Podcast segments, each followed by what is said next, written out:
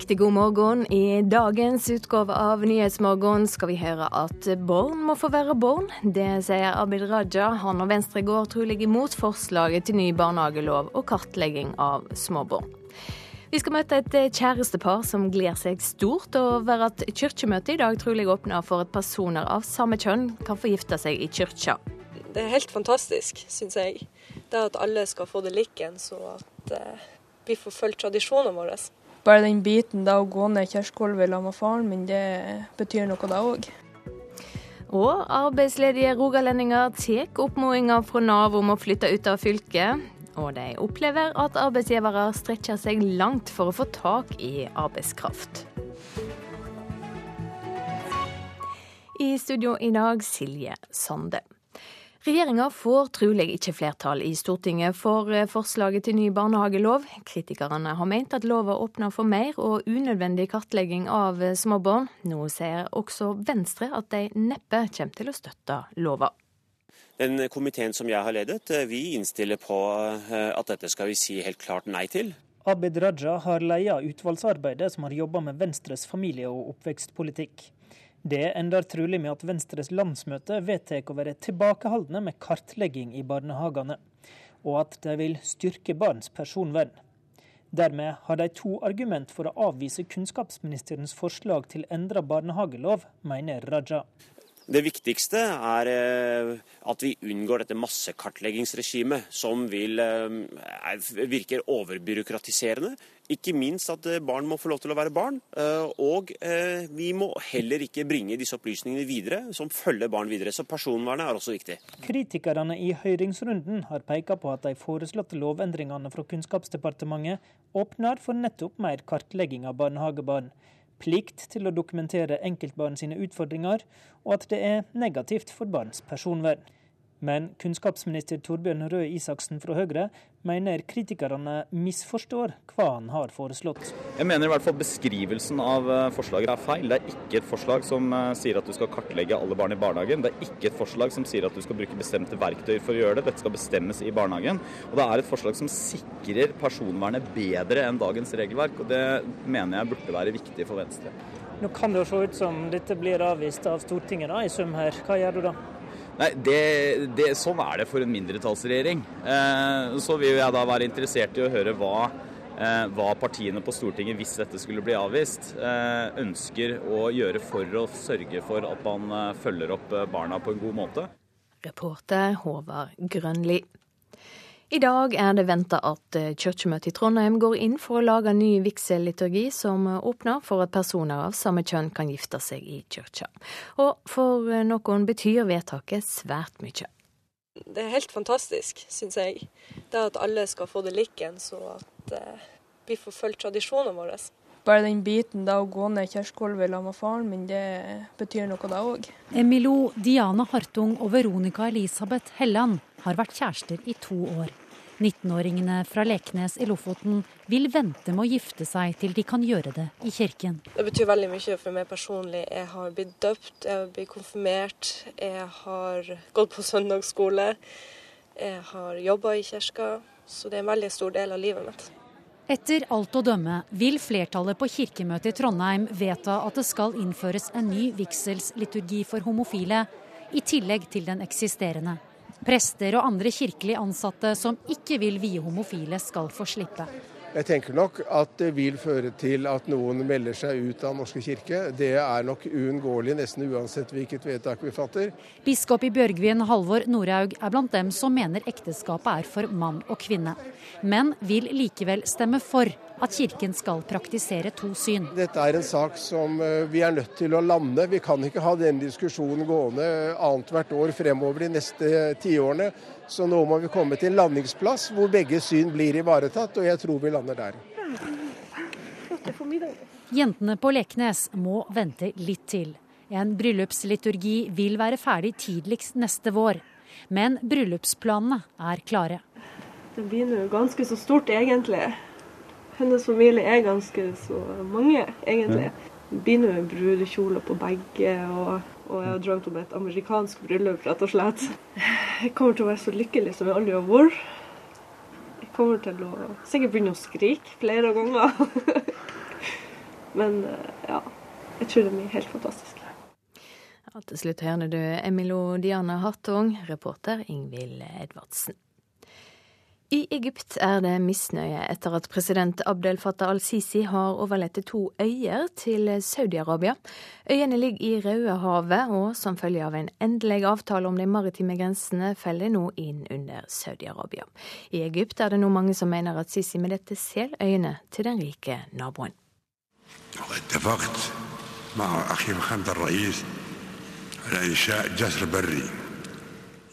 Milliardene av dollar har flytt lett de siste dagene under Saudi-Arabias kong Salmans besøk her i Egypt. Her forteller han om byggingen av en ny bro over Rødehavet, og de har bl.a. også blitt enige om et felles egyptisk-saudisk investeringsfond.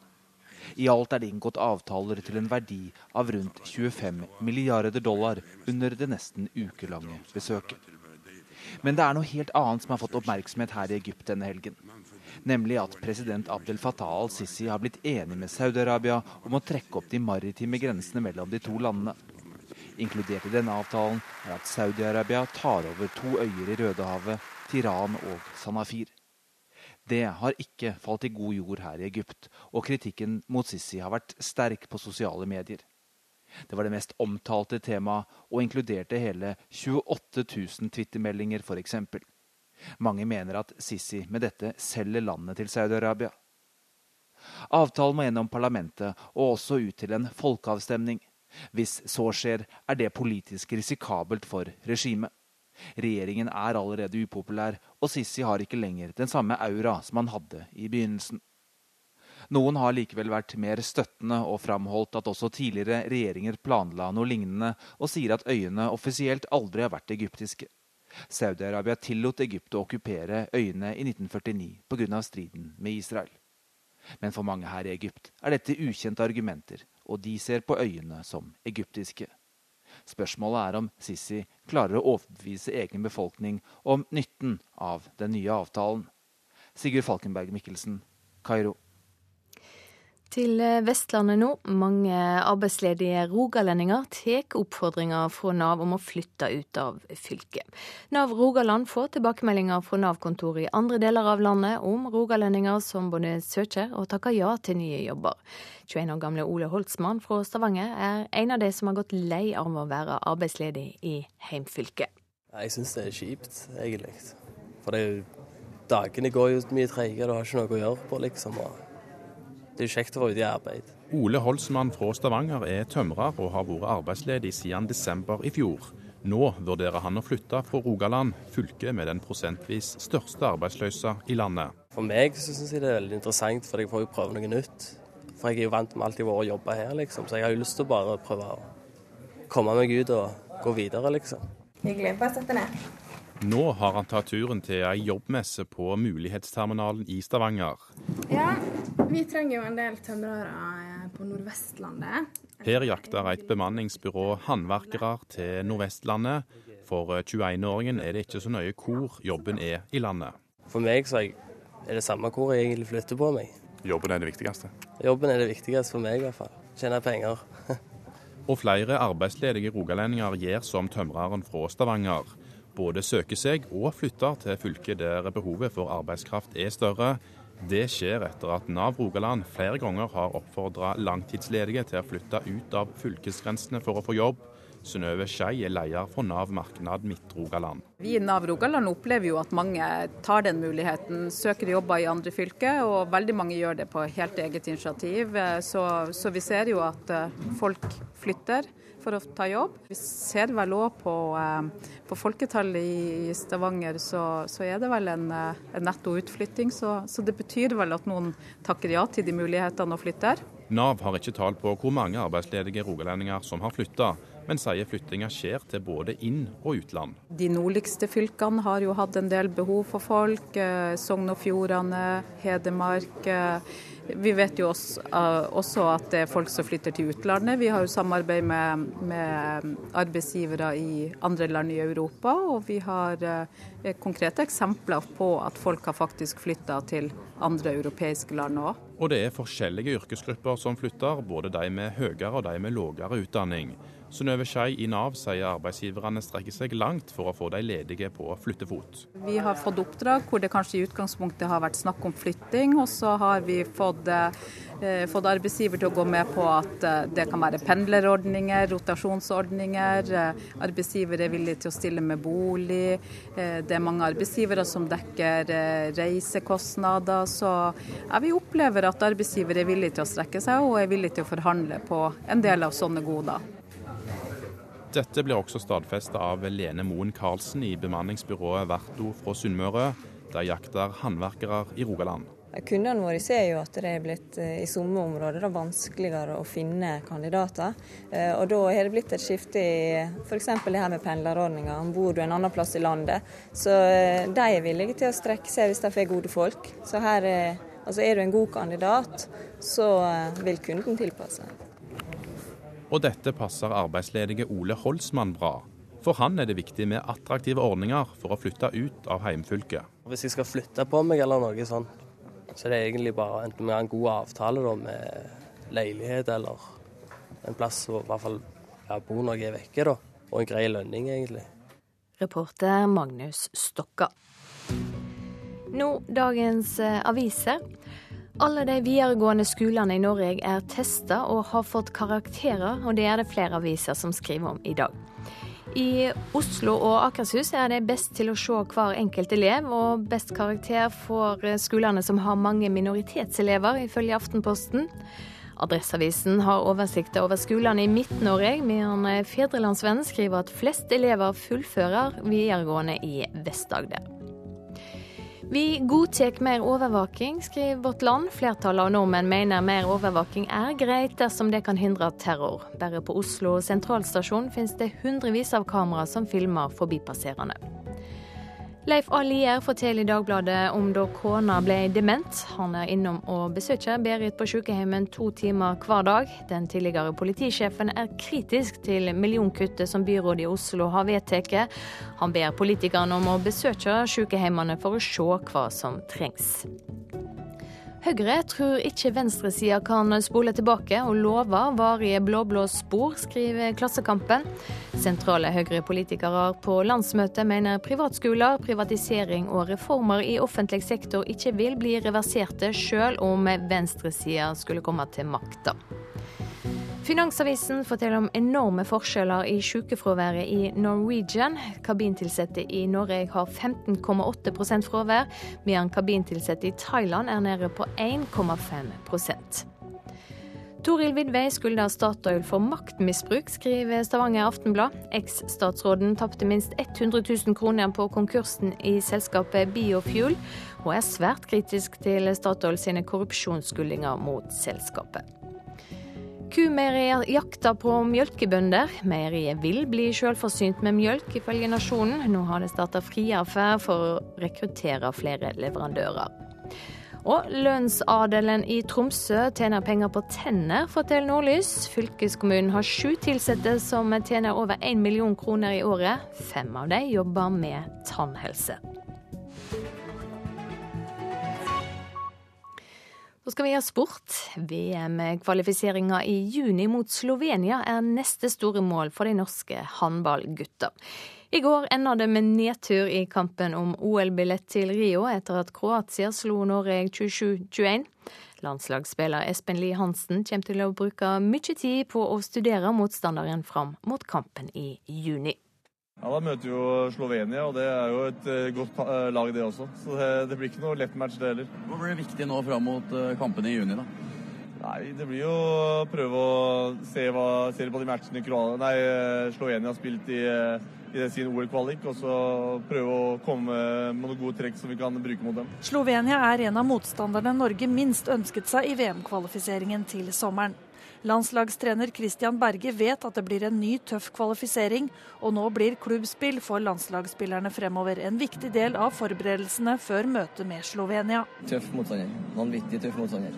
Eh, så får vi eh, gjøre jobben vår godt. Nei, ja, Det handler om å få spilt landskamper med, med, de spillerne og så eh, få, få, trent godt i klubblagene sine. Og så prestere sammen når vi samles som landslag. Sander Sagosen mener det bare er én ting som gjelder før kampene i juni. Det, det blir knall, to knalltøffe kamper. Slovenia er et godt lag, og de er klare for OL, og det er ikke vi. Men nå må vi bare jobbe på, gå, gå i treningsboksen og trene og trene. og trene. Det som gir resultater, er ingenting annet. Og Kvalifiseringa skal spilles andre og tredje helga i juni, reporter Hilde Liengen. Klokka er blitt 6.48. Dette er hovedsakene våre nå. Norge bruker rekordmye penger på bistand. Om lag 10% av summen går til flyktninger her i landet. Det er venta store demonstrasjoner i Washington de neste dagene. Mange i USA er opprørte over at det er pengene som rår i presidentvalgkampen. Og Regjeringa får trolig ikke flertall i Stortinget for forslaget til ny barnehagelov. Kritikerne har ment at lova åpner for mer og unødvendig kartlegging av små barn. I starten av denne veka skal DNB komme med sin forklaring til Næringsdepartementet om eh, sin praksis med å tilby tjenester i skatteparadis. For ei drøy uke siden avslørte Aftenposten at DNB i mange år hjalp kunder å plassere pengene sine via skatteparadiset Seychellene. I 2014 spurte Monica Mæland om DNB hadde noe med skatteparadiser å gjøre. Svaret var nei. Nå har banken vedgått at, at de ikke har gitt riktig informasjon. Og økonomimedarbeider Halvard Norum, hva slags rapport er det DNB skal levere til næringsministeren? Ja, Dette skal være en eh, redegjørelse eh, som banken skal levere. og Den kommer til å handle om eh, hvordan banken ble involvert i denne type pengeplasseringer. Om hvem som visste hva, hvem som tok hvilke avgjørelser og, hvilke vurderinger som lå bak. Hva slags praksis er det banken må svare for? Eh, det er en praksis der de eh, i, mellom, i 2006 til 2010 hjalp norske kunder å plassere penger via dette skatteparadiset Seychellene. Og det gjorde man ved at man opprettet eh, postkasseselskap på Seychellene, som så formelt eide pengene. Man hadde fiktive styremedlemmer i disse selskapene, som så ga en fullmakt tilbake til nordmennene, som så eide, hadde egentlig den reelle kontrollen over pengene som da sto på en konto i DNB Luxembourg. Det er jo en eh, spesiell konstruksjon som ikke nødvendigvis sier at du har gjort noe ulovlig, men dersom du ønsker å gjøre noe ulovlig, så gjør det den konstruksjonen det litt lettere til å f.eks. Uh, unndra skatt. Og hva har ledelsen i banken sagt om dette så langt? Nei, De har jo beklaget at de har vært med på denne praksisen, nettopp fordi det er en konstruksjon som de innrømmer eh, gjør det lettere å unndra skatt. Så sier konsernsjefen eh, Rune Bjerke at dette har gått under radaren på både konsernledelse, styre, intern revisjon, ekstern revisjon. Eh, men at de da skal finne ut hva som egentlig har skjedd, og, som sagt at de beklager at de har vært med på dette. Og Hva kan vi vente at næringsministeren krever svar på? Eh, helt sikkert hvem det var som, i DNB som bestemte at DNB skulle være med og tilby disse tjenestene. Eh, om det var også om det var kundene som tok initiativet, eller om det var, eh, om det var DNB sjøl. Aftenposten har jo snakket med kunder som sier at de ikke visste at pengene havnet på Seychellene, så da blir det jo interessant å se hva banken svarer til det. Og selvfølgelig også hvordan det var mulig at denne praksisen gikk under radaren, slik konsernsjefen sier. Eh, når det bl.a. viser seg at eh, en del DNB-topper eh, har dukket opp med navn og signatur i disse Panama-dokumentene. Og så til slutt så vil det også være selvfølgelig veldig interessant hvorfor da DNB, som du var inne på, i 2014, da Næringsdepartementet spurte om de var involvert i skatteparadiser, hvorfor de da, når de ble bedt om å undersøke, ikke fant det ut. Det kommer nok næringsministeren til å være interessert i å få vite. Takk skal du ha, Halvard Norum. Kultur nå. Det er noe gale med systemet når en så aktiv og seriøs kunstner som Pia Myhrvold ikke har fått et eneste arbeidsstipend i løpet av sin kring 30 år lange karriere. Det sier kunstkritiker Lars Elten. Hvert år blir over 100 millioner kroner delt ut til flere enn 500 kunstnere. Likevel er det flere som aldri ser noe til stipender. Jeg har aldri fått noe arbeidsstipend. Hva tenker du om det? Jeg syns jo det er veldig urettferdig. Det sier den Paris-baserte Stavanger-kunstneren Pia Myhrvold. En idé presenteres på nettet i et forsøk på å få vanlige folk til å åpne lommeboka. Da NRK besøkte Myhrvold i Paris i oktober, handlet det om nye måter å skaffe penger på.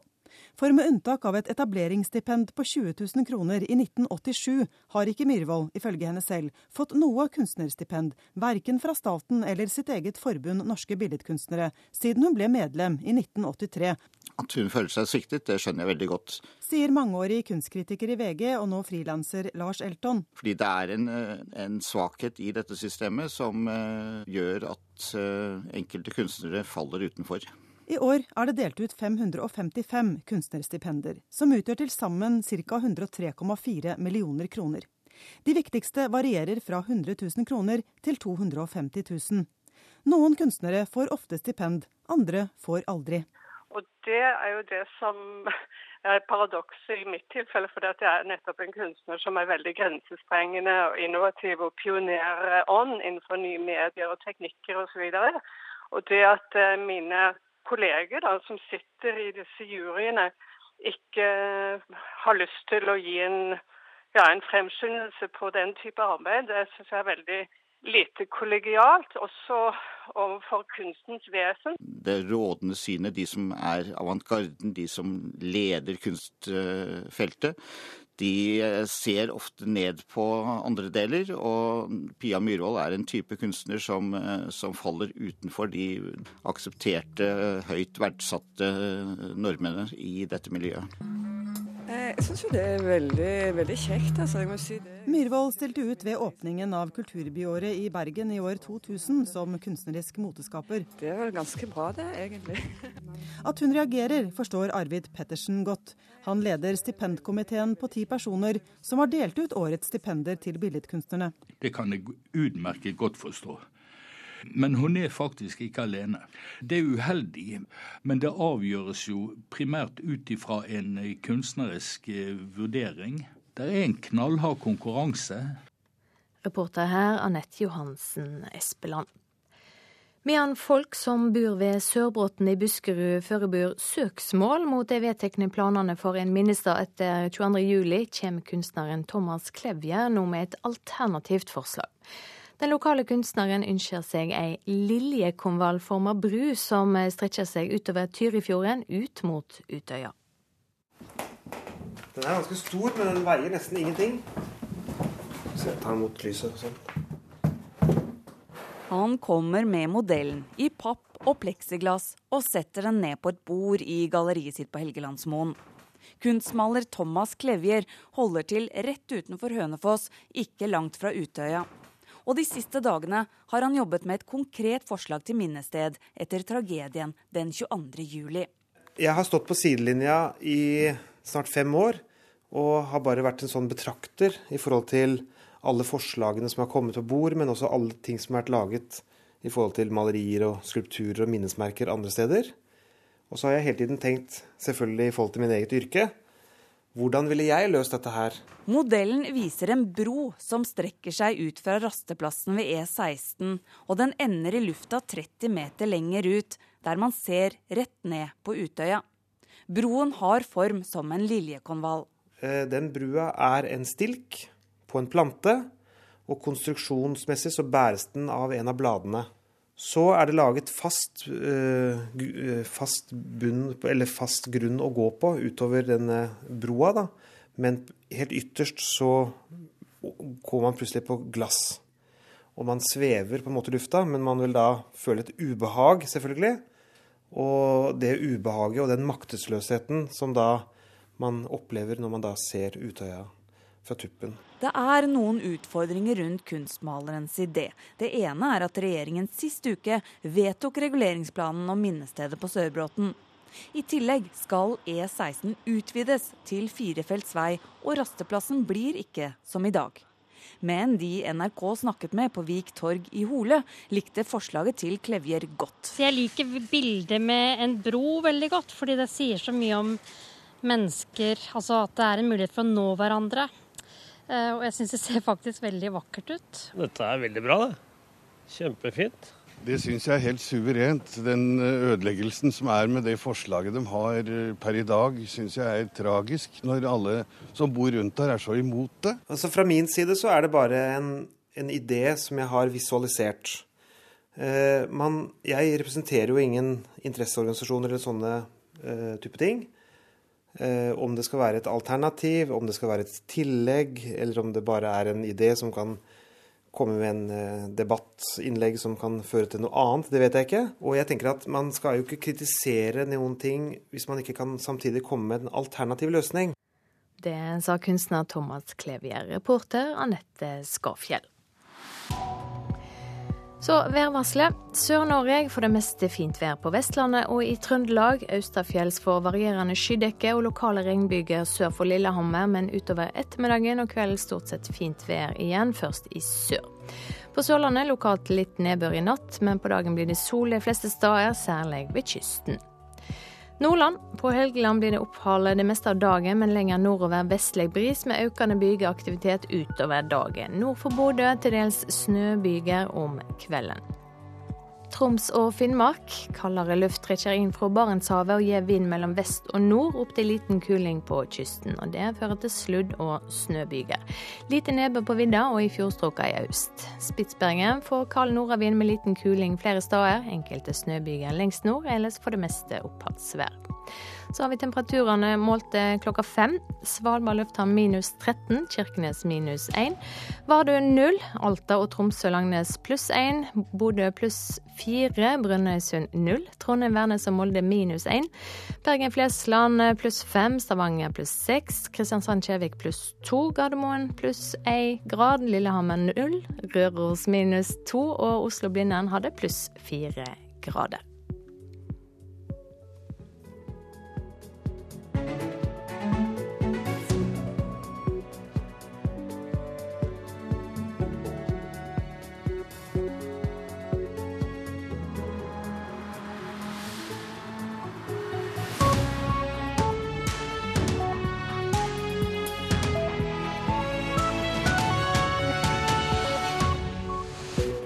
Her i Nyhetsmorgen skal vi straks høre mer om den store kartlegginga av de videregående skolene her i landet.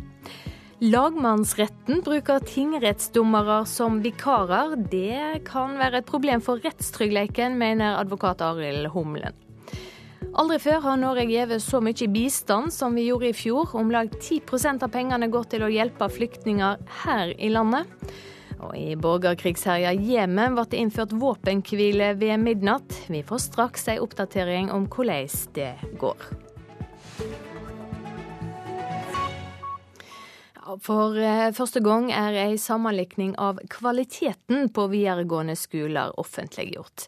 Målet er å se hvor mye hver enkelt skole bidrar til karakterer, og om elevene fullfører.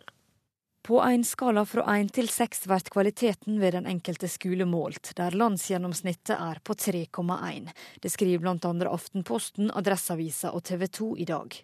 Rapporten, som er bestilt av Kunnskapsdepartementet, tar utgangspunkt i sju målbare indikatorer, der felles for alle er å måle hvordan de ulike skolene klarer å bidra til hver enkelt elevs utvikling. Hva for et fylke eleven bor i, og hva slags videregående skole de begynner på, er med på å avgjøre både resultatene og om de greier å fullføre skolen. Undersøkelser som er gjort av Senter for økonomisk forskning i Trondheim, viser at Oslo og Akershus har de beste skolene, mens skolene i de tre nordligste fylkene gjør det dårligst. Alle skolene der ligger under landsgjennomsnittet, og samtlige sju videregående skoler i Finnmark havner i den dårligste gruppa. Forskerne har målt hvor mange som fullfører innen tre og fem år etter grunnskolen, hvor mange som deltar i videregående opplæring, progresjon, standpunktkarakterer, eksamenskarakterer i norsk og på skriftlige eksamener. Forskerne bak sier til TV 2 at skolene som gjør det best, er veldig forskjellige skoler. Det var både yrkesfaglige, studieforberedende, store skoler og små skoler blant de beste. Katrine Nybø orienterte. Det at eh, lagmannsretten bruker tingrettsdommere som vikarer, er et problem for rettstryggheten. Det mener leder av Rettstrygghetsutvalget i Advokatforeninga, Arild Humlen.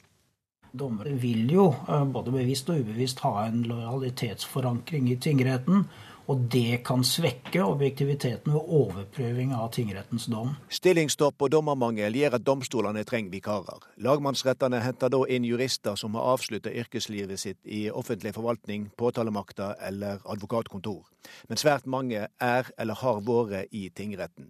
Og det er her problemet ligger, mener Humlen at en anke over en dom i tingretten skal behandles i neste instans av mellom andre en tingrettsdommer. Lojalitetsforankringer det er ikke unaturlig at de utvikler seg uh, ut ifra hva slags yrkesplattform man har.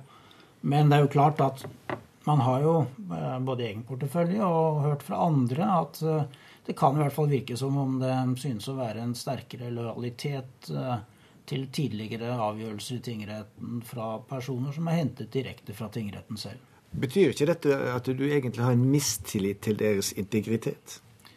Um, det kan man jo gjerne si, men, uh, men, jeg mener det er jo for så vidt en godt begrunnet mistillit. Og det er jo heller ikke unaturlig at det er slik at, at dommere uh, har forankringer og lojalitet i forhold til det nivået de har jobbet i. Men i lagmannsretten så sitter de ikke alene? Nei, men det er for så vidt ikke noen grunn til å, å, tillate at en av dommerne ikke har den nødvendige åpenhet. Mener du det går på rettssikkerheten løs? Altså Enhver svekkelse av en ankedomstolsposisjon er et rettssikkerhetsproblem. Og det har vi i Norge i dag? Det har vi ut ifra den bemanningspolitikk som nå har vært ført en stund. Jeg vet ikke om man har noe belegg for å si det, om man har noen undersøkelse eller noe å vise til. Ei hoderystende leder i Dommerforeninga, sorenskriver Ingjerd Tune i Gjøvik, avviser påstandene fra lederen i rettssikkerhetsutvalget om at lojalitetsbånd blant tingrettsdommerne går på uavhengigheter løs når de går inn i lagmannsretten. Nei, jeg, jeg, kan ikke se det. Og det er jo slik at dommere utnevnes fra både altså fra andre domstoler, fra påtalemyndigheten, fra advokatstanden. Og jeg tror ikke det er slik at uh, om du har vært i påtalemyndigheten tidligere, at du føler noe spesielt lojalitet mot påtalemyndigheten eller mot andre advokater når de møter og prosederer saken. Jeg tror at dommere er godt trent til å opptre objektivt og vurdere saken konkret ut ifra faktum og juss.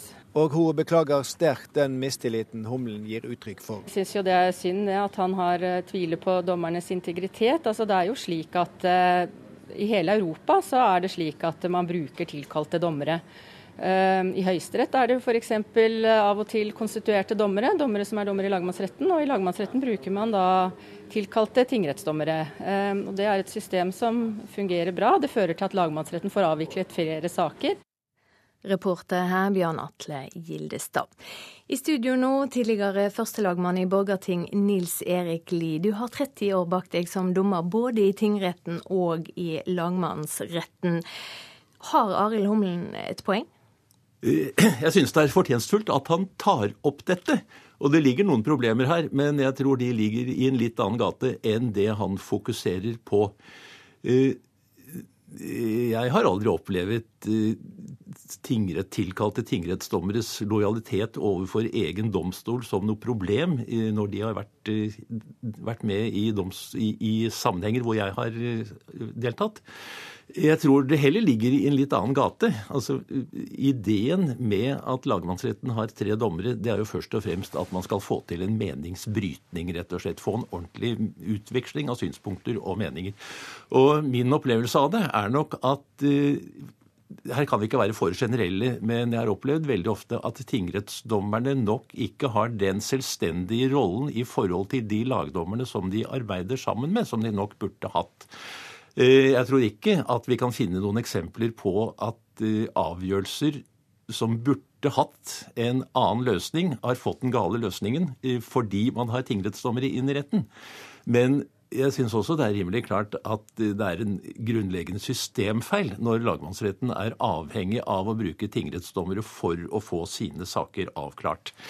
Det er også en annen side i dette, som kanskje er en viktigere rettssikkerhetsproblematikk, tror jeg, det er at eh, når tingrettsdommerne i så vidt stor utstrekning som de gjør, må gjøre tjeneste i lagmannsretten, så går jo det utover tingrettenes egen saksavvikling. Og Det innebærer igjen at eh, da har dommerfullmektigene eh, fått en rolle i saksavviklingen i tingrettene som de aldri var ment å ha. Eh, vi har nok sett litt for mange eksempler på at dommerfullmektiger for tidlig har fått en selvstendig rolle og er blitt satt til å avgjøre saker som de egentlig ikke burde ha vært satt på. Men, men lagmannsretten er jo en ankedomstol, en høyere rettsinstans. Bør det ikke være et klart skilje da mellom tingrettsdommere og lagrettsdommere? Jo, altså det er en grunnleggende systemfeil, eh, som jeg sa i stad, at lagmannsrettene er avhengig av å tilkalle tingrettsdommere for å få sakene unna. På samme måte som eh, lagmannsrettene er avhengig av å bruke pensjonerte dommere i tillegg til de tilkalte. Eh, her burde man kunne være selvgående eh, og ha tilstrek et tilstrekkelig antall faste embetsdommere eh, for å kunne håndtere sakene. Men dette at altså forholdet til tingrettsdommere, lagdommere og tingrettsdommere kjenner hverandre, det er en del av et felles dommerkorps. Jeg er ikke så bekymret for risikoen for skal vi si, sammenblanding mellom instansene, som det synes som om advokat Omlen tar opp.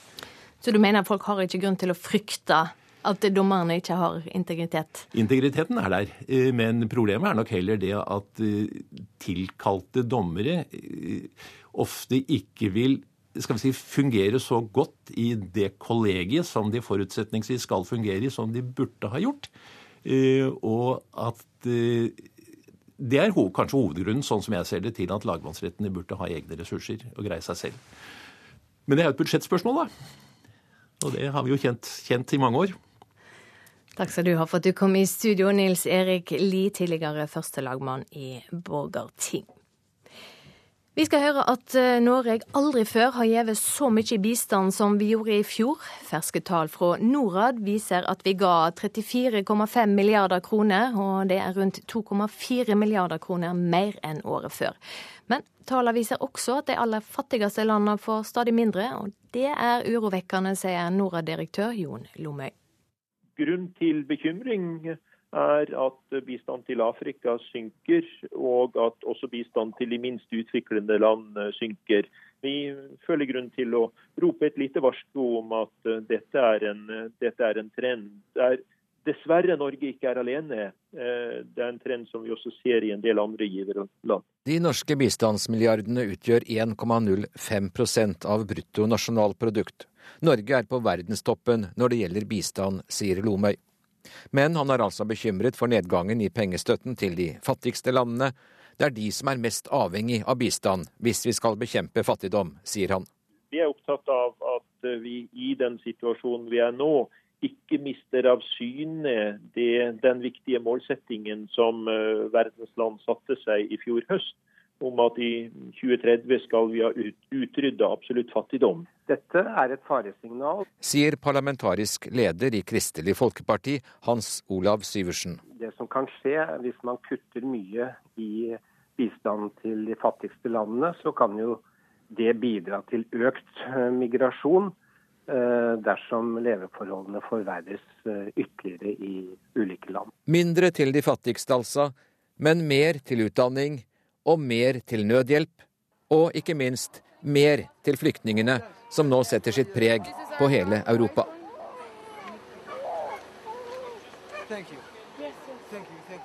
Her hjemme brukte vi 3,7 milliarder fra bistandsbudsjettet på disse flyktningene i Norge.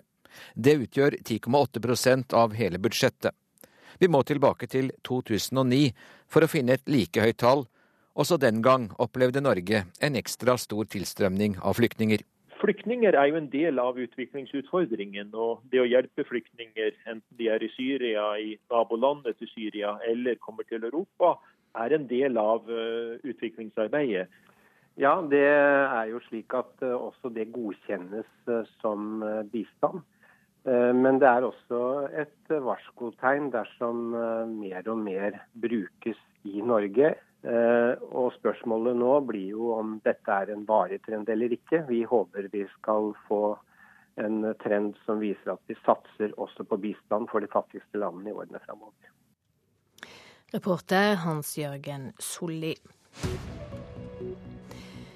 Du hører på Nyhetsmorgen, klokka er 7.15. For eh, første gang er ei sammenlikning av kvaliteten på videregående skoler her i landet offentliggjort. Målet er å se hvor mye hver enkelt skole bidrar til karakterer, og om, eh, å se om elevene fullfører.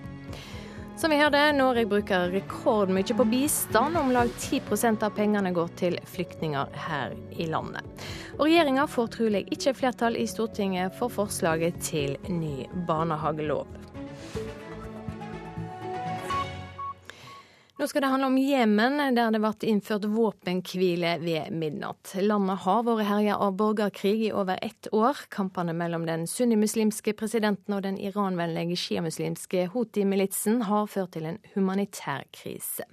Partene skal etter planen starte nye fredssamtaler neste veke, og korrespondent Sigurd Falkenberg Mikkelsen, det er nesten sju timer siden våpenhvila tok til Ja, det er litt over sju timer siden våpenhvila tok til å gjelde. Hvordan har det gått hittil?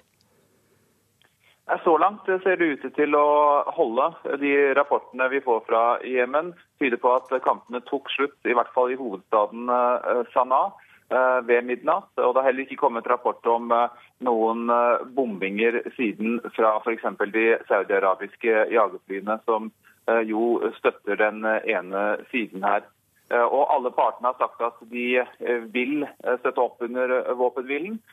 Men det er fortsatt tidlig, og det er fortsatt mye som kan gå galt fram mot disse fredssamtalene som er planlagt å begynne i Kuwait 18.4. Hvordan vil du skildre situasjonen i Jemen nå? Det vi hører fra Jemen, er beskrivelse av en humanitær katastrofe på linje med det, noe av det vi ser i eh, Syria.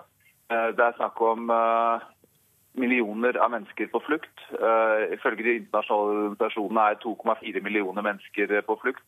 Det er altså mange sivile som er drept i krigføringen. Rundt 3000. Og så er Jemen et av de fattigste landene i verden. Det var det før krigen begynte. Og det gjør at de var svært avhengig av direkte bistand å få inn mat for å overleve. Og Det har blitt veldig vanskelig pga. krigen og den blokaden som Jemen er utsatt for. Eh, sånn at Jeg snakket med Verdens matvareprogram noe tidligere. Eh, og Da sa de at 7,6 eh, millioner mennesker gikk sultne. og Det er ikke noen grunn til å tro at det tallet har bedret seg etter at jeg snakket med dem. Hva sier FN ellers om situasjonen i Jemen? Nei, FN har jo da sin spesialutsending som står for meklingen her. Og det er klart at De får en politisk nøkkelrolle. Uh, fordi dette er en menneskeskapt krise. Det er en politisk strid som involverer mange av landene i regionen. Så For å løse dette så kommer de til å trenge internasjonal bistand og de kommer til å trenge internasjonal oppmerksomhet. Noe det har vært lite Eh, av i Jemen. Eh, de nye signalene vi ser nå, er at det virker som det er en vilje på bakken som ikke var der eh, tidligere. Blant annet så har det vært en koalisjon av eller en gruppe med representanter for Houthi-gruppen. Og i Saudi-Arabias hovedstad Riyadh i forkant av dette. Det er et positivt signal. Og så ser vi også, Det kommer også meldinger om at det er formet lokale allianser på bakken av militærkommandanter fra begge sider som skal overse våpenhvilen. Det er også et positivt signal. Men så er det også viktig å si at dette er en bred jemenistisk konflikt. Det er ikke bare slik at det er en sjiamuslimsk Houthi-milits mot sunnimuslimer. Dette er en mye mer komplisert politisk strid. Ja, fra korrespondent Sigurd Falkenberg Mikkelsen skal vi videre til deg, Morten Bøås fra Norsk utenrikspolitisk institutt. Er det grunn til å tro at denne våpenhvila og de kommende fredsforhandlingene vil eh, fungere? Ja, Det gjenstår å se. og Som eh, korrespondenten også var inne på, så er jo dette både en vanskelig og komplisert konflikt som har mye av det samme hva skal man si, konfliktbildet både eksternt og internt som det vi finner i Syria. Det gjenstår å se hvor god kontroll lederne her vil ha på si, aktørene på bakken. Men eh, de skrittene som er tatt, og det at eh, våpenhvilen ser ut til å ha holdt etter at den inntraff, eh, at den startet i går kveld, det er positivt i seg selv. Et uavklart spørsmål her er jo det at du har aktører som ikke er med i selve dette fredsarbeidet, og det er da først og fremst IS-elementer og Al Qaida på den arabiske halvøy. og Begge de organisasjonene har vokst seg sterkere i løpet av den borgerkrigen med ekstern innblanding som vi har sett. Og de har vel ikke interesse av at det skal bli fred?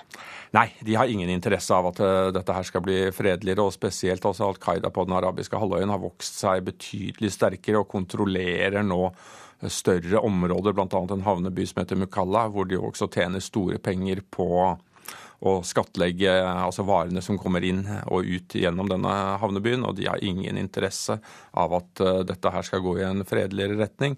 Og har helt klart også hva skal man si, kapasitet til å både forstyrre og potensielt sett ødelegge freden. Så spørs det da altså hvor, hvor sterke de aktørene som ønsker å trekke det i en fredelig retning, klarer å være. I hva grad har IS og Al Qaida støtte fra folk flest? Igjen, altså Det er veldig vanskelig å svare på det spørsmålet, for det finnes jo ikke her noe, noe meningsmålinger eller noe sånt noe som gir noe uttrykk for det. Men de er såpass sterke at en viss grad av, av, folkelig støtte lokalt sett har de kanskje klart å skaffe seg. Ikke nødvendigvis det fordi det er så mange som liker det, men altså i en så fragmentert borgerkrigssituasjon som dette her har vært i over lengre tid, så vil med nødvendighet folk være nødt til å forholde seg til de som er i stand til å skape noe som minner om orden. Og i noen av de områdene som de nå har styrt en periode, så har de klart å skape noe som minner om en orden. Ikke nødvendigvis en orden som så veldig mange mennesker setter pris på, men en viss grad av orden er bedre enn totalt kaos. Ja, du sammenligner konflikten i Jemen og den i Syria. Hva er likt? Altså Det som er likt, er både det at du har eh, altså denne eksterne dimensjonen, hvor du har på den ene siden så står da Iran, på den andre siden så står da en eh, saudi-arabisk ledet koalisjon, som også på mange måter er den hva skal man si, den en arm av Vesten her omtrent, i, grad, i den forstand at det er de vi ser på som våre, våre, våre partnere, om om man vil. Um, så har man da altså dette overordnede konfliktbildet inne i landet, som er på mange måter altså Houthi-militsen er en Shia-milits. Og så har du da en, en sunni-støttet uh, president. Og i, da, i tillegg så har du det at i ly av den type borgerkrig, så har da IS og Al Qaida-elementer vokser seg sterke. Det er det som er likt. Uh, det som kan være ulikt her, er at det, i motsetning til i Syria, hvor både eksterne og interne partnere har låst seg veldig til posisjoner som det har vist seg vanskelig å gjøre noe med, bl.a. dette kravet om at Bashar al-Assad må gå, som er kanskje et greit krav å sette fram hvis du har makt til å gjøre noe med det. Noe verre hvis du kanskje ikke har makt til å gjøre noe med det. Så kan det være mulig at man i og med at man ikke har låst seg til den type posisjoner, at man kan få til mer pragmatiske samtaler i Jemen. Får man til det i Jemen, så kan det være et utgangspunkt for mer pragmatikk og mer løsningsorientering når det gjelder Syria. Forskningsprofessor Morten Børås, takk for at du kom til Nyhetsmorgen. Nå, dagens aviser. Alle de videregående skolene i Norge er testa og har fått karakterer, og det er det flere aviser som skriver om i dag. I Oslo og Akershus er det best til å se hver enkelt elev, og best karakter for skolene som har mange minoritetselever, ifølge Aftenposten. Adresseavisen har oversikt over skolene i Midt-Norge, medan Fedrelandsvennen skriver at flest elever fullfører videregående i Vest-Agder. Vi godtar mer overvåking, skriver Vårt Land. Flertallet av nordmenn mener mer overvåking er greit dersom det kan hindre terror. Bare på Oslo sentralstasjon finnes det hundrevis av kameraer som filmer forbipasserende. Leif Alier forteller i Dagbladet om da kona ble dement. Han er innom og besøker henne på sykehjemmet to timer hver dag. Den tidligere politisjefen er kritisk til millionkuttet som byrådet i Oslo har vedtatt, og ber politikerne om å besøke sykehjemmene for å se hva som trengs. Høyre tror ikke venstresida kan spole tilbake og lover varige blå-blå spor, skriver Klassekampen. Sentrale Høyre-politikere på landsmøtet mener privatskoler, privatisering og reformer i offentlig sektor ikke vil bli reverserte, sjøl om venstresida skulle komme til makta.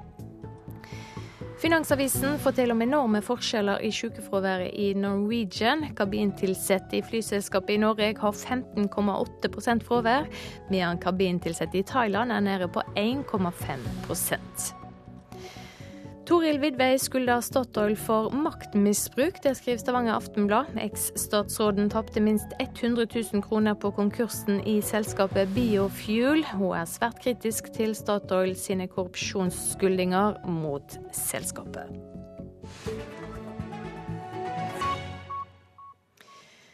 Russebusser kan skape konflikt og utestenging blant elever på videregående skoler. Ved Øvrebyen videregående skole i Kongsvinger har det hvert år flere saker der skolen må inn med hjelpeapparatet sitt pga. russebusser. Bussene skaper et stort fellesskap og er et prosjekt som går over flere år for de som er med.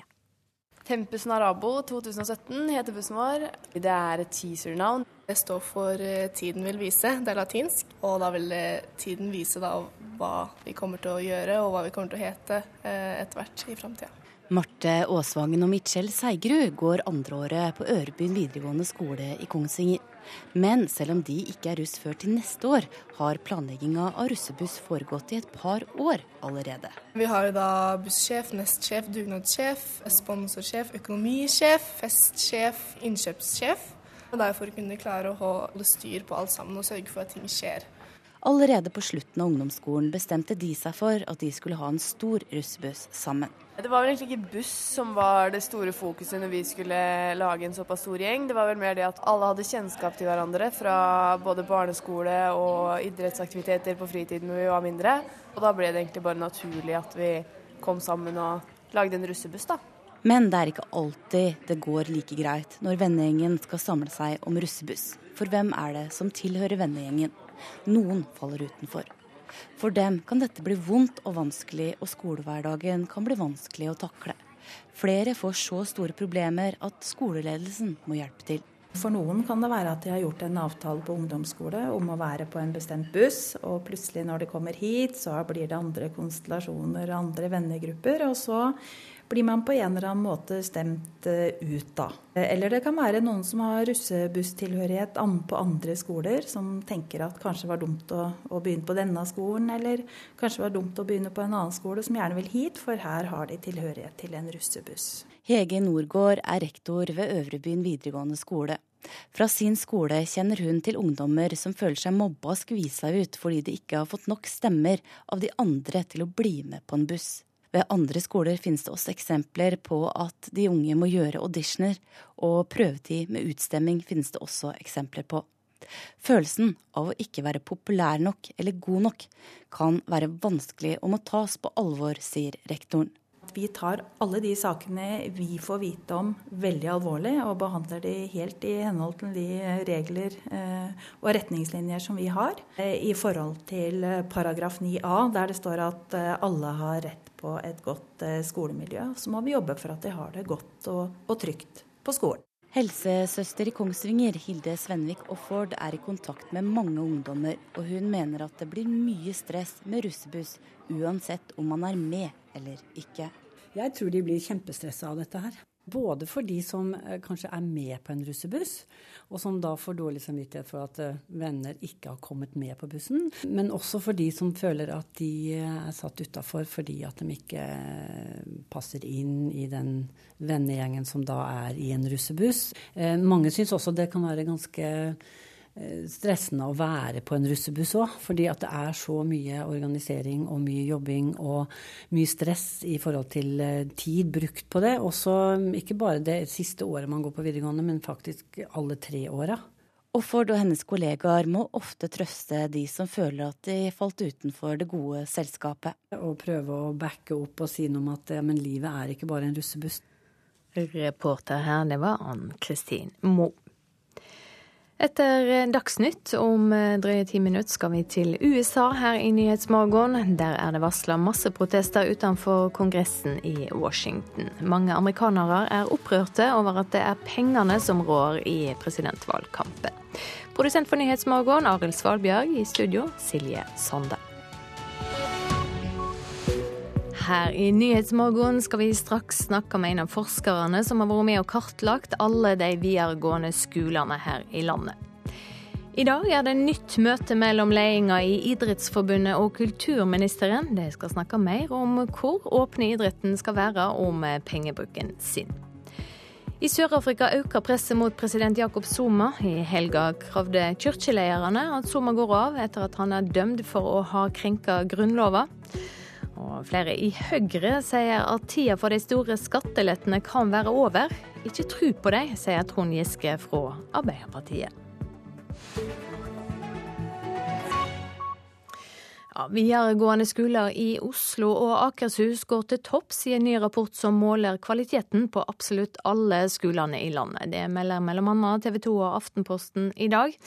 Dårligst er skolene i de tre nordligste fylkene, og aller nederst finner vi skolene i Finnmark. Med meg nå professor Torberg Falk ved NTNU i Trondheim. Du har ledet arbeidet med denne undersøkelsen på vegne av Senter for økonomisk forskning i Trondheim. Hvordan vil du oppsummere resultatet?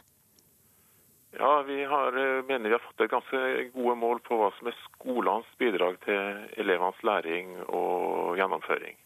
Så Vi har eh, et bredt sett av, eh, av mål, viktige målsettinger for skolene som er inkludert her. Og så er det veldig viktig å kontrollere for at skolene har ulikt eh, elevgrunnlag. og Det mener vi våre analyser viser at vi får til på en god måte. Ja, hva konkret er det det har målt? Vi har sett på sju resultatmål. Som at elevene deltar, ikke dropper ut. Så at man klarer å fullføre enten på normert tid, som er mest krevende, eller på innen fem år. Vi har sett på ulike eh, karaktermål som er mål på de faglige prestasjonene til elevene. Så Vi har sju sånne indikatorer til sammen. Kom det fram eh, hvorfor det så tydelig går dårligst i nord? Vi har eh, i denne rapporten prøvd å kartlegge hva som er skolenes bidrag og skolekvalitet. Og så har ikke vi sett her på hvorfor det er, det er, forskjellig. Det er sikkert mange lokale forhold, og det er mange faktorer som bidrar til at kvaliteten varierer. Men det, det må vi overlate til senere analyser. Mm. Går det an å si noe om hva som karakteriserer de skolene som får eh, gode resultat? Vi, vi gjør noen sånne små forsøk på å se om det er noe, noe generelt med, sånne, med, med, skoler som gjør det bedre og, og mindre bra.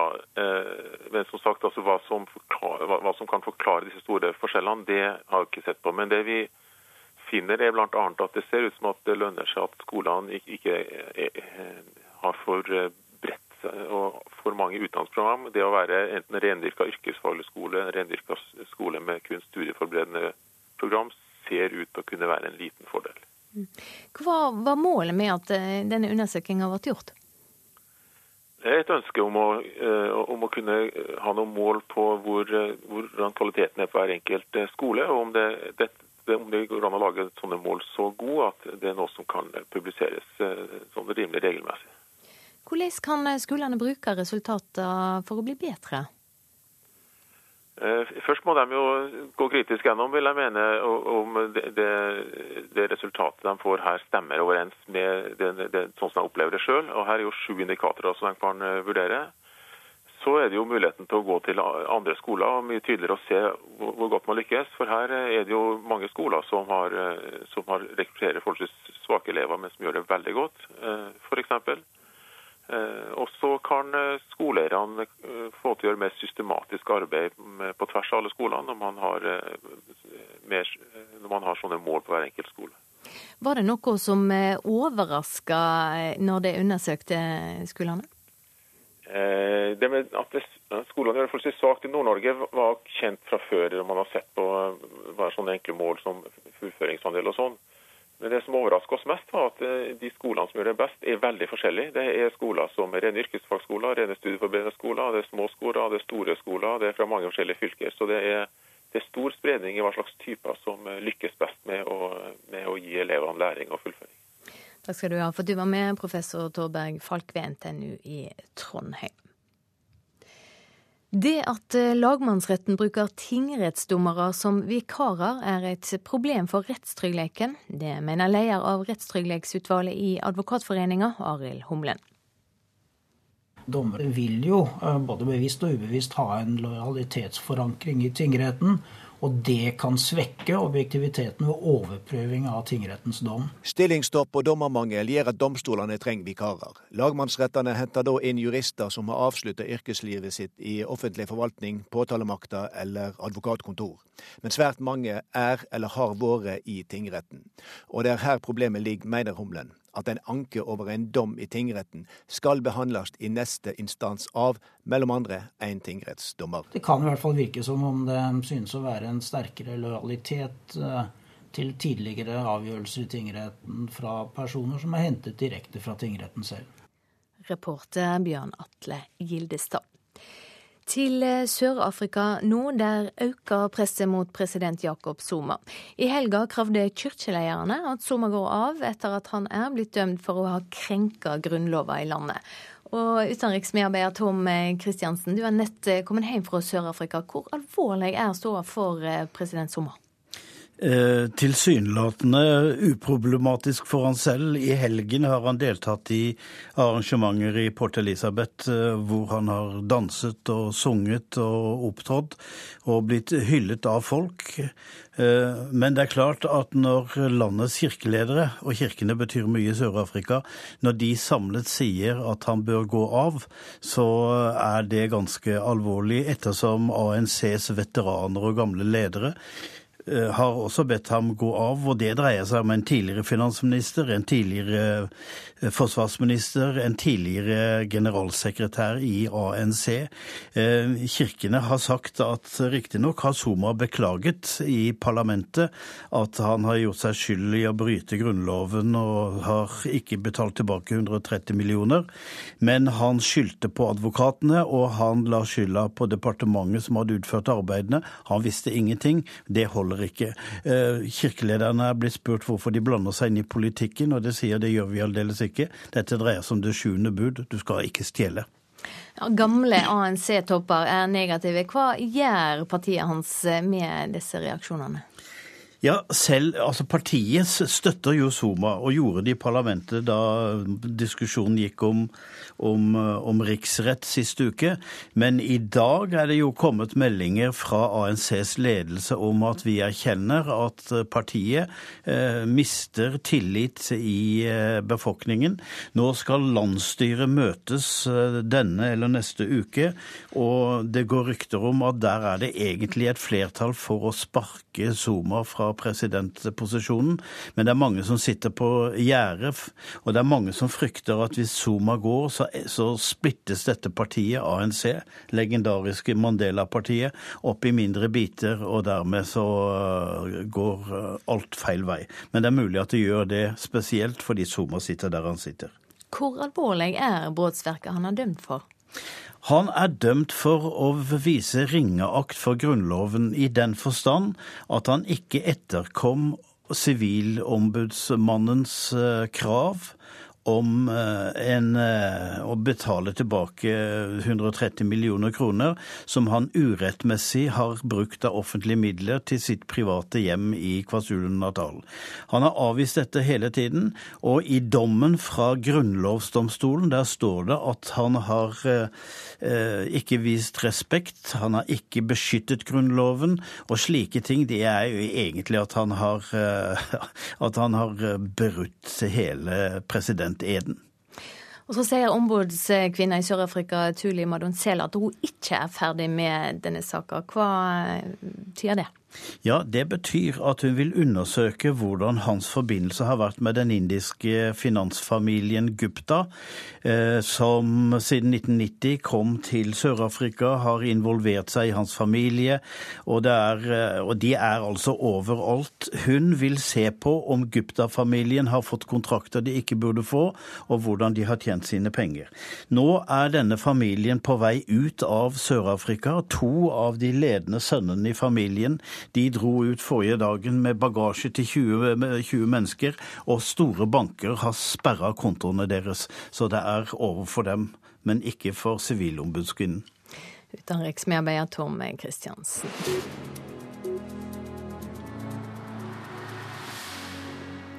I dag er det venta at eh, kirkemøtet i Trondheim går inn for å lage en ny vigselliturgi som åpner for at personer av samme kjønn kan gifte seg i kirka.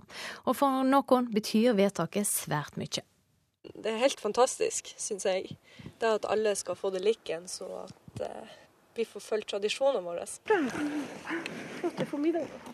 Emilo Diana Hartung og Veronica Elisabeth Helland har vært kjærester i to år. 19-åringene fra Leknes i Lofoten vil vente med å gifte seg til de kan gjøre det i kirken. Det betyr veldig mye for meg personlig. Jeg har blitt døpt, jeg har blitt konfirmert, jeg har gått på søndagsskole. Etter alt å dømme vil flertallet på kirkemøtet i Trondheim vedta at det skal innføres en ny vigselsliturgi for homofile, i tillegg til den eksisterende. Prester og andre kirkelig ansatte som ikke vil vie homofile, skal få slippe. Jeg tenker nok at det vil føre til at noen melder seg ut av Norske kirke. Biskop i Bjørgvin, Halvor Norhaug, er blant dem som mener ekteskapet er for mann og kvinne, men vil likevel stemme for at Kirken skal praktisere to syn. Dette er en sak som eh, vi er nødt til å lande. Vi kan ikke ha den diskusjonen gående annethvert år fremover de neste tiårene. Jentene på Leknes må vente litt til. En bryllupsliturgi vil være ferdig tidligst neste vår. Men bryllupsplanene er klare. Begynner med brudekjole på begge, og, og jeg har drømt om et amerikansk bryllup, rett og slett. Med vennene på sida, og så ja. Reporter Ingvild Edvardsen. Klokka er straks 8.45. Hovedsaker nå. Videregående skoler i Oslo og Akershus er de beste i landet. Det viser en ny kartlegging av absolutt alle skolene. De tre nordligste fylkene gjør det dårligst. Lagmannsretten bruker tingrettsdommere som vikarer. Det er problematisk for rettstryggleiken, mener leder av Rettstrygghetsutvalget i Advokatforeninga. Og I dag er det nytt møte mellom ledelsen i Idrettsforbundet og kulturministeren. Mer om det straks. Ja, I dag skal altså Idrettsforbundet og kulturministeren møtes igjen til et nytt møte om åpenhet og innsyn i idretten. Linda Hofstad Helleland har ikke vært nøyd med, svare, med svarene fra idrettstoppene om hvorfor de ikke vil vise fram sine egne reiseregninger. Hun kaller altså inn til et nytt møte, og du er på plass der, reporter Ali Iqbal Tahir. Hva skal skje? Har vi kontakt med Ali Iqbal Tahir? Hei sann. Fortell, hva skal skje på dette møtet i dag? Eh, I dag så har kulturministeren eh, bedt om at eh, idrettstoppene skal komme med konkrete forslag som kan bidra til mer åpenhet i idretten. Hun vil f.eks. be dem om å legge frem reiseregninger som et av tiltakene for å bidra til mer åpenhet. Hva er det ministeren ikke er nøyd med? Eh, hun syns det forrige møtet var altfor generelt, og konklusjonen var ikke godt nok eh, da vi kom ut eh, sist gang. Hun vil at de skal legge frem konkrete ting for at man skal bidra til mer åpenhet, som Norges Fotballforbund f.eks. gjorde for en uke siden, da de bestemte seg for at de fra styremøte til styremøte vil legge frem bilag og reiseregninger. Vet vi noe om hva svar idrettslederne kommer til å gi i dag? De var eh, tause på vei inn og sa at eh, det var trist at det hadde blitt sånn. Ellers så sa de ikke så veldig mye mer. Men vi må vel regne med at, vi, at de har gjort hjemmeleksa si som de har fått fra kulturministeren, og, og, og, legge frem eh, det de har fått beskjed om som er konkrete tiltak. Ja, Ali, hva dreier denne striden seg egentlig om? Eh, saken handler om at det, offentlige betaler ut store midler til eh, Idretts-Norge. Eh, Norges idrettsforbund mottar jo nærmere en milliard kroner fra det offentlige gjennom spillemidler. Og Da ønsker jo mange å spore disse pengene og vite hva disse går til. Men det vi per i dag kun får vite, er i sekkepostversjon. Altså at man ser i en, si, et årsregnskap at åtte millioner går til eksterne bedrifter, eller at 20 millioner går til bistand, eller juridisk eller faglig bistand, uten at man konkret vet hvem som bruker pengene, eller hvem de går til. Så Der ønsker man mer åpenhet, og Linda Hofstad Helleland var tydelig og klar på at hun vil gå mer ned på detaljnivå. sånn at Hun er ikke fornøyd med sekkeposter og slik som det ble fremstilt og presentert for henne av eh, idrettspresident Tom Tvedt i forrige uke. Takk skal du ha, reporter Ali Iqbal Tahir. Flere i Høyre sier nå at tida for de store skattelettene kan eh, være over. Ikke tro på dem, sier Trond Giske fra Arbeiderpartiet. Vel, Jeg konstaterer at uh, Høyre nå sier at uh, skattekutt har ikke forrang foran andre saker, tror jeg var formuleringa til noen av Høyre-toppene på landsmøtet. Jeg fant et sitat fra Erna Solberg i 2013, fra valgkampen den gangen. Da sier hun sitat vi har også andre prioriteringer, og skatt har ikke forrang foran andre satsingsområder, sier Solberg til NTB. Etter den tid så har altså Høyre gitt 18 milliarder kroner årlig i skattekutt. De prøver å lure oss, det er det du sier? Jeg konstaterer i hvert fall at det var nøyaktig det samme de sa før valget i 2013, at de ikke hadde forrang. Nå vet vi fasiten. Det fikk forrang. Bent Høie, velkommen, nestleder i, i Høyre.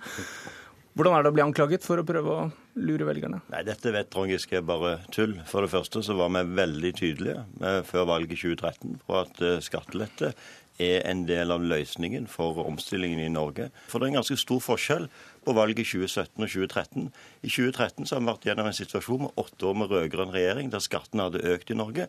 Nå har vi vært i en situasjon der vi har redusert skattenivået med 18 milliarder kroner. Ok, Giske, Er det ikke litt tynn bevisføring når du drar fram dette sitatet fra 2013, når Bent Høie helt riktig sier at vi har en annen situasjon nå, for nå har de gjennomført en del av de skattelettene de mener var nødvendige.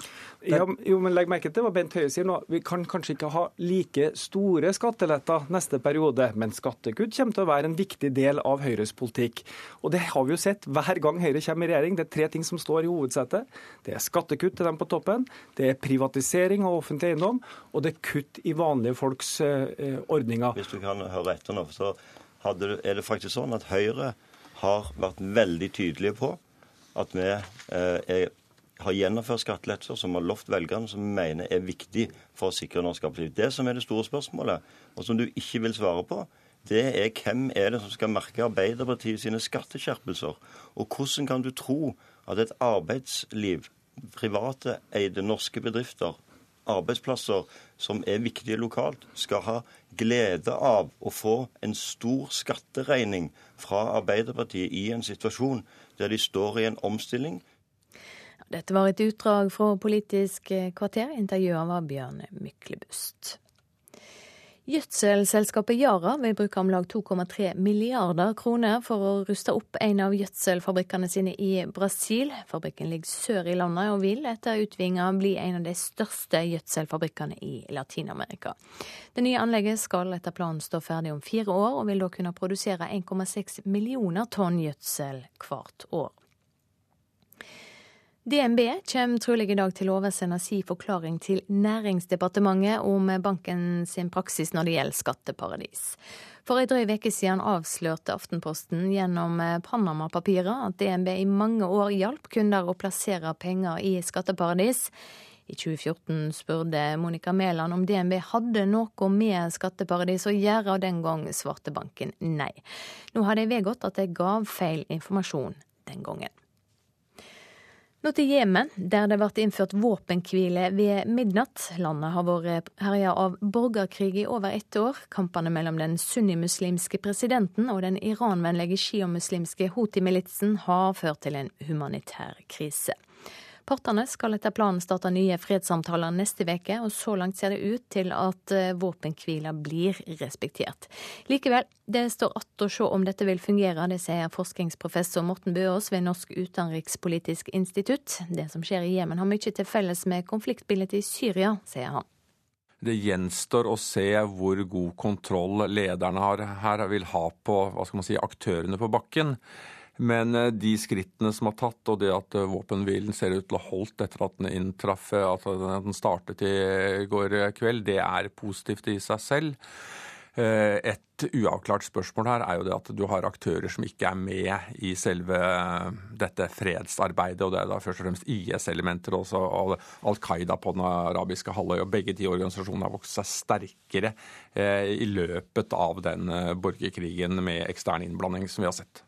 Ja, og de har vel ikke interesse av at det skal bli fred?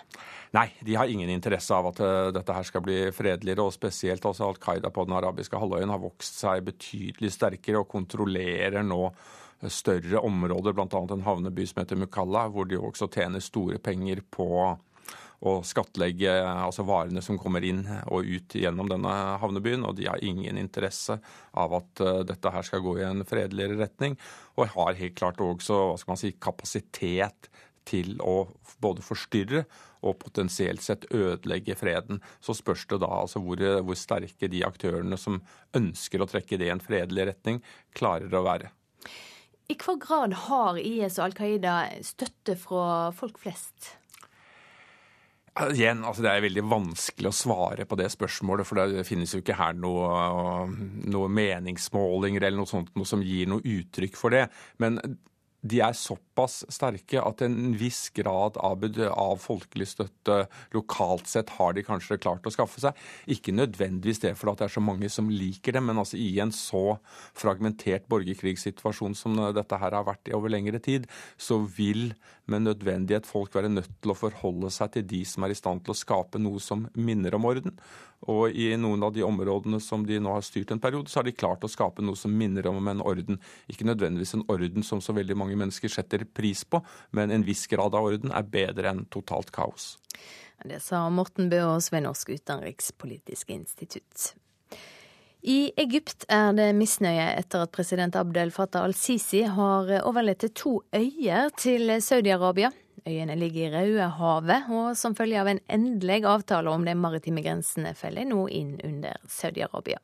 I Egypt er det nå mange som mener at Sisi med dette selger øyene til den rike naboen.